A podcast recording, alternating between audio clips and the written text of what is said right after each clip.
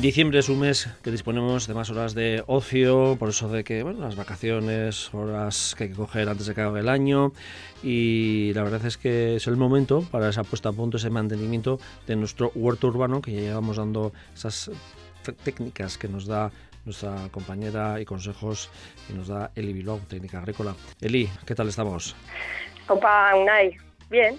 Bien, ahora es un momento idóneo para darle un poco de vida a, nuestro huerto urbano, aunque aparentemente parece que está más muerto porque no produce tanto como, por ejemplo, en primavera-verano, ¿no? Sí, bueno, yo siempre digo que la gente, sí, que hay que atender el huerto y que hay mucha gente, contrario a lo que pensamos, prefiere los cultivos de otoño-invierno por aquello de que nos pilla más en casa, que luego en verano hay que atenderlo, vacaciones, más salidas de fin de semana con el calorcito. Entonces hay gente que aprovecha y hace estos cultivos de de otoño-invierno. Sí, es verdad, claro, ahora estamos más en casa, se aprovecha mucho más que luego en verano que hay que estar también más pendiente del agua y de, bueno, que salimos mucho más y no estamos en casa. Bueno, para los que están en casa y tienen tiempo más de ocio y tienen ya algunas cositas puestas en el balcón, en ese espacio comunitario de vecinos que también suelen, eh, nos puede permitir, vamos, lo que decimos huerto en contenedor, que sueles decir tú, ¿no? Eso es. Hay que también eh, que abrigar a la tierra, ¿no? Sí, no nos tenemos que olvidar que el frío es para todos y también para los suelos que albergan nuestros cultivos. Entonces hay que tener unos cuidados un poco extras, ¿eh? que diferentes a los que tenemos en los cultivos de primavera-verano. Por ejemplo, es el momento de pues ponerles un mantillo, que no es el acolchado, el mantillo sería este plus de alimentación que se pone sin mezclar con la tierra. Se le pondría en superficie y puede ser un humus, puede ser un compost o un estiércol de estos maduros que ya nos venden en bolsa, que no huelen. Y los ponemos en superficie porque ahora es una época en la que va a llover, va a nevar y se va, eh, vamos a decir, lixiviando, se va escurriendo de arriba hacia abajo y da la oportunidad a la planta a tomar los nutrientes no se pierden tanto como si ya estuviesen mezclados con el sustrato. Vale. Eh, aquí, ¿en qué momento de, del día, Carlos? Que también ahora cambia también mucho la actividad también ah, agrícola, ¿no? Aunque sea urbana, eh, que en, verano hay que evitar un poco, depende de qué trabajos, las horas centrales, pero ahora igual tenemos que ir a las horas centrales, ¿no? Cuando hay calor, ¿no? Se aprovechan más las horas centrales del día, que son las más calentitas, para, para hacer cualquier movimiento de sustrato, y bueno, y cualquier atado de planta o por ejemplo cuando empiezan a nacer las habas, que hay que entutorar, etcétera.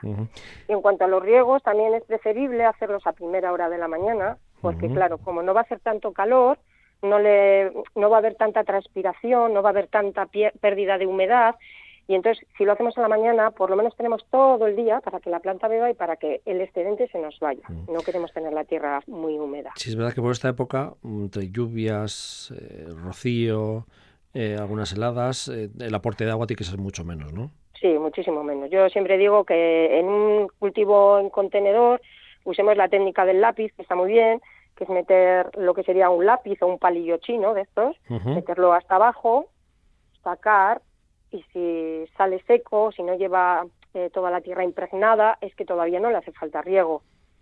La planta puede aguantar porque no tiene que transpirar tanto como cuando hace calor. Entonces aguanta más tiempo sin regar. También em, es importante lo de aprovechar el agua de la lluvia, ¿no?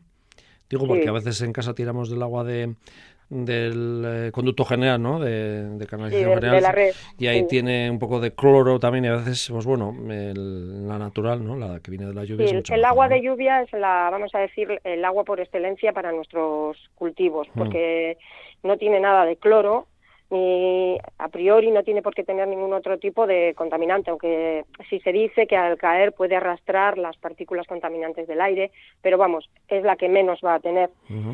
Si no nos queda otra porque no queremos andar guardando agua de lluvia y tal, pues lo, de, lo de siempre. Se coge el agua de la red y destapada se le deja un mínimo de 12 horas para que el, cloro, que es muy volátil, se nos vaya. Y si tenemos posibilidad y si tenemos una canalización de la que podemos coger el agua y almacenarlo, perfecto, ¿no? Sí, sí, eso es. De las bajantes. Eso es, que hay veces que se puede aprovechar esas situaciones. Depende de qué casas y qué pisos y qué como tengamos. Tampoco hay que hacer un agujero en la canalización, no estamos diciendo eso. ¿eh? Sí, y luego no tienes igual espacio para el día que llueve almacenar. Eso es, eso es. Pero lo importante es, bueno, y como hace falta menos agua por estas épocas, pues es verdad que con poquito también se, se soluciona un poco el tema. Antes decías ¿no? que había que darles un poco de alimento, ese capa de compost, de humus o estiércol maduro. Ah, lo que no sé si eh, hay gente que opta también a veces por poner que es distinto, ¿no? Ya es eh, igual lo de evitar ponerle ese abrigo, ¿no? Que decía antes. El acolchado. El acolchado, que no sé si, porque hay gente que también opta por poner, por ejemplo, paja o por poner, por ejemplo, mm, cortezas de, árboles también. Sí. ¿Eso puede ser también o...? Eso sería encima de la, del mantillo. Eso es, ¿eh? vale. Sería como el edredón de nuestras plantas. Hemos hablado alguna vez de ello, porque este acolchado no solamente da calor ahora en invierno, sino que además eh, se va, si es orgánico, se va descomponiendo y alimenta a ese sustrato, a ese suelo, que es el que realmente luego da de comer a las a las plantas, porque ahí se generan una serie de actividades que se transforman lo que nosotros aportamos en, en, una forma asimilable de alimento para la planta. Y luego, pues, eh, no, no se erosiona el suelo con la lluvia, no se lleva la tierra al viento, etcétera. Y aparte que hace una capa que no permite que salgan las malas hierbas, alguna hierba que tengamos por ahí. Claro, eh, claro. ¿no? Lo único que hay que tener cuidado es mm. si nuestro huerto de balcón está muy expuesto a la lluvia, pues hay que tener mucho cuidado de mover de vez en cuando ese acolchado para que no se apelmace, ah. porque si no va a guardar también muchísima humedad. Y no nos cuesta nada moverlo, pues como ahuecando el pelo, ¿sabes? Mover así un poco. Y cuando hagamos la siembra, la siembra del guisante y la siembra de el haba, pues hasta que no emerja la plantita no le pongamos acolchado. Después ya sí. Ya he visto habas y guisantes de invernadero, ¿eh? pero bueno, eh, aplicado a nuestro mundo balcón, si lo tienes eh, si está resguardo, se, está resguardado pues se puede aprovechar. O si estás dentro de un, de acristalamiento también, ¿no? También puede ser así, ¿no? Un balcón de esos cerrados. Igual que el tema de los ajos, ¿no? Que es más de octubre, ¿no? Pero se puede aprovechar porque bueno, unos ajos tiernos también pueden entrar muy bien, ¿no? Sin más ni más. bueno, que nos estamos lanzando ya la comida y estamos pasando de, de cultivo. Eh, hay que proteger de las heladas, claro los vientos y, más cosas. Pues por ejemplo, para las heladas, en casa, en estos huertos mini, lo tenemos muy fácil porque sé que venden en grandes centros comerciales y gardens y así, venden ya hechos una especie de invernaderos. Pero si no nos queremos gastar dinero, es aplicar la lógica. Y con un plástico plástico transparente, se les puede cubrir, agujerear un poquito para que transpire y punto. También se puede eh, poner un poquito al socaire, porque como es pequeño se puede mover en un sitio que tengamos más protegido de la helada, incluso arropado con otras macetas dentro de la terraza. Y cuanto al viento, pues eh, parecido, si tienes plantas de más altura, pues les pones delante como si fuese un parapeto que deje entrar el aire, porque nunca hay que frenar el viento. Claro hay que rebajar la intensidad. rebajar el viento es mucho más peligroso para el propio cultivo. Es rebajar la fuerza. Entonces, usando si tienes algún arbolito, alguna planta más alta, o si no lo mismo, ponerlo en un socaire en una esquina para que no le dé el viento directamente. Es lo bueno de estos mini huertos, que puedes, puedes moverlos. Sí, es verdad, ¿no? Sí.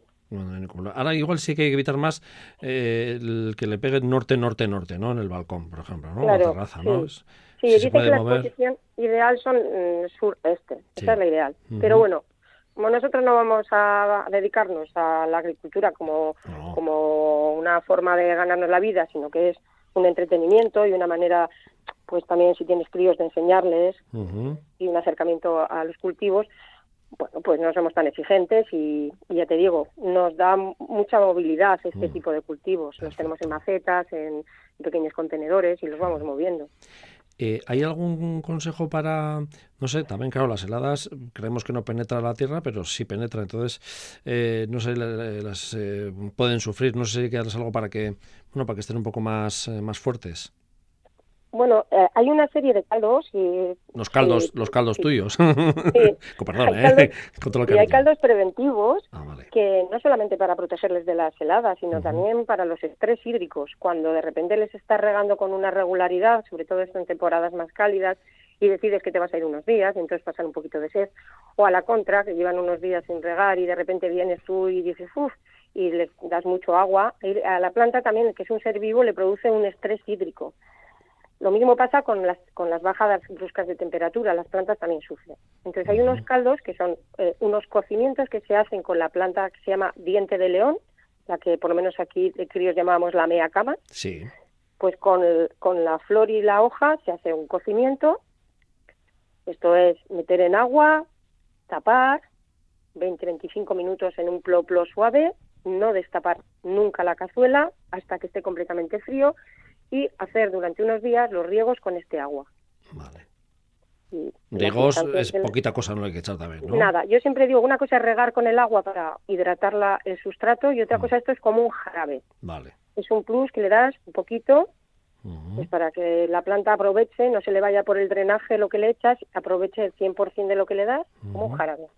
Diente de león, lo que pasa es que si diente de león no está en flor pero hay, sí hay, sí No importa, pero si le das la hoja, también también le sirve. Tiene una como de lechecita y también le sirve. ¿Hay alguna posibilidad con algún otro caldo de algún producto que tengamos más a mano? Mm, bueno, esto en, para el estrés hídrico exactamente no, pero todos los fortificantes que tú le quieras dar con, con, con suelda, con casi todas las plantas que encontramos silvestres, el helecho, eh, las ortigas, eh, la cola de caballo, todo esto son fortificantes. Bien. Bueno, ortigas hay para dar y regalar en el campo. Por eso. Aquí en la ciudad también en puntos depende de dónde. Bueno, eh, ahora es la época también en la que la gente ya empieza pensando en algunos semilleros, se adelanta y sí es verdad que dentro de casa con las calefacciones se pueden aprovechar también, ¿no? Sí, se pueden adelantar los semilleros, pero lo que sí hay que tener eh, claro es que cuando una vez que la plantita ya sale, empieza a salir, germina la semilla, hay que empezar a condicionarla porque no va a vivir dentro, va a vivir fuera. Fuera, sí. Entonces, hay que sacarle en las horas más centrales del día, que le empiece a dar el frescor, que se vaya aclimatando, luego a la noche pues ya cuando empieza a bajar mucho la temperatura, pues le resguardas otra vez en el interior, no lo pongas nunca cerca de un radiador, y, así vas aclimatando la planta hasta que haya cogido los 10 centímetros más o menos, que ya, ya sabes que la vas a trasplantar. Esto para los más adelantados sí suele ser a partir de enero, ¿no? Sí. Cuando la gente... Sí, sí, pero bueno, también hay gente... Pero hay que hacer pruebas también, ¿no? Sí, hay mucha gente que lo que hace, por ejemplo, eh, la gente que se dedica a este tipo de, horticultura mini, eh, las habas y los guisantes las germinan en fresquitos de, yogur y luego las, las trasplantan. Las trasplantan. Ah, vale, también. Sí. Un poco como se hacía en la escuela, ¿no? Como se hacía en la escuela. Eso, es. eh, bueno, también antes decíamos lo de para fortalecer y todo esto, el estrés y también evitar el estrés hídrico, pues esos caldos, pero también hay que estar un poco, aunque los... Em, las plagas eh, con el invierno, siempre se dice, las heladas, ¿no? En el campo, ¿no? Las heladas vienen bien porque mm, quitan, ¿no? Limpian. Las nevadas también. Pero hay que estar pendientes también en el balcón, ¿no? Sí, sí, sí, porque todavía tú piensas que cultivo que tengas, cultiva, cultivo que tiene su enemigo, vamos a, decir. Porque, por ejemplo, la, el haba es atacada siempre por los pulgones y la berza, eh, la coliflor por la mariposa de la col, que va a la oruga y se lo come. O sea, cada época, aunque no tenga la, la misma incidencia que puede tener en primavera-verano, sí. existen las plagas y existen algún que otro hongo. Entonces, es el momento ahora, según hemos eh, plantado nuestras plantitas jóvenes, de empezar con los tratamientos preventivos. Preventivo para hongo, preventivo para, para plagas. Vale. Y en cuanto les veamos aparecer tanto al hongo con la plaga se puede aguantar un poco más, pero sobre todo el hongo, en cuanto lo veamos aparecer, empezar con los curativos. Vale, perfecto. No hay que perderlo Como decíamos alguna vez, también remitimos a nuestros oyentes a que vayan a la página que tú alimentas, la huerta de Eli. Se ponen en un buscador, ponen la huerta de Eli. El huerto. El, huerto, perdón. Ay, costumbre de decir la huerta siempre. El huerto de Eli. Muy bien. El huerto de Eli. Y ahí sale. Y si no, también en Facebook, aunque últimamente estás también muy trabajadora, eh, tienes eh, el perfil Elicol, ¿no? Sí. El blog es el huerto de Eli, todo junto, punto WordPress Com, Eso es. Y el Facebook es Elicol, el huerto de Eli, todo Eso es. Lo pueden consultar ahí. Si hay alguna cosa de las que estamos viendo, y dice, ay, pues se lo pueden buscar y registrar. Y, tienen más ideas y, además está detallado, escrito, que también a veces es Sí, sobre todo todos estos caldos preventivos caseros eh, van a encontrar bastantes. Bueno, pues Eli Bilbao, muchas gracias. Pues a vosotros. Hasta la próxima cita. Así será.